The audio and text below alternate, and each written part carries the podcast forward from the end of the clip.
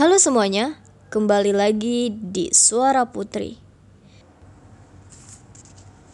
Sahabat, kaulah yang menaruh bintang dalam mata hati dan genggamanku. Kau tak pernah meninggalkanku, mungkin sesaat aku tak melihatmu.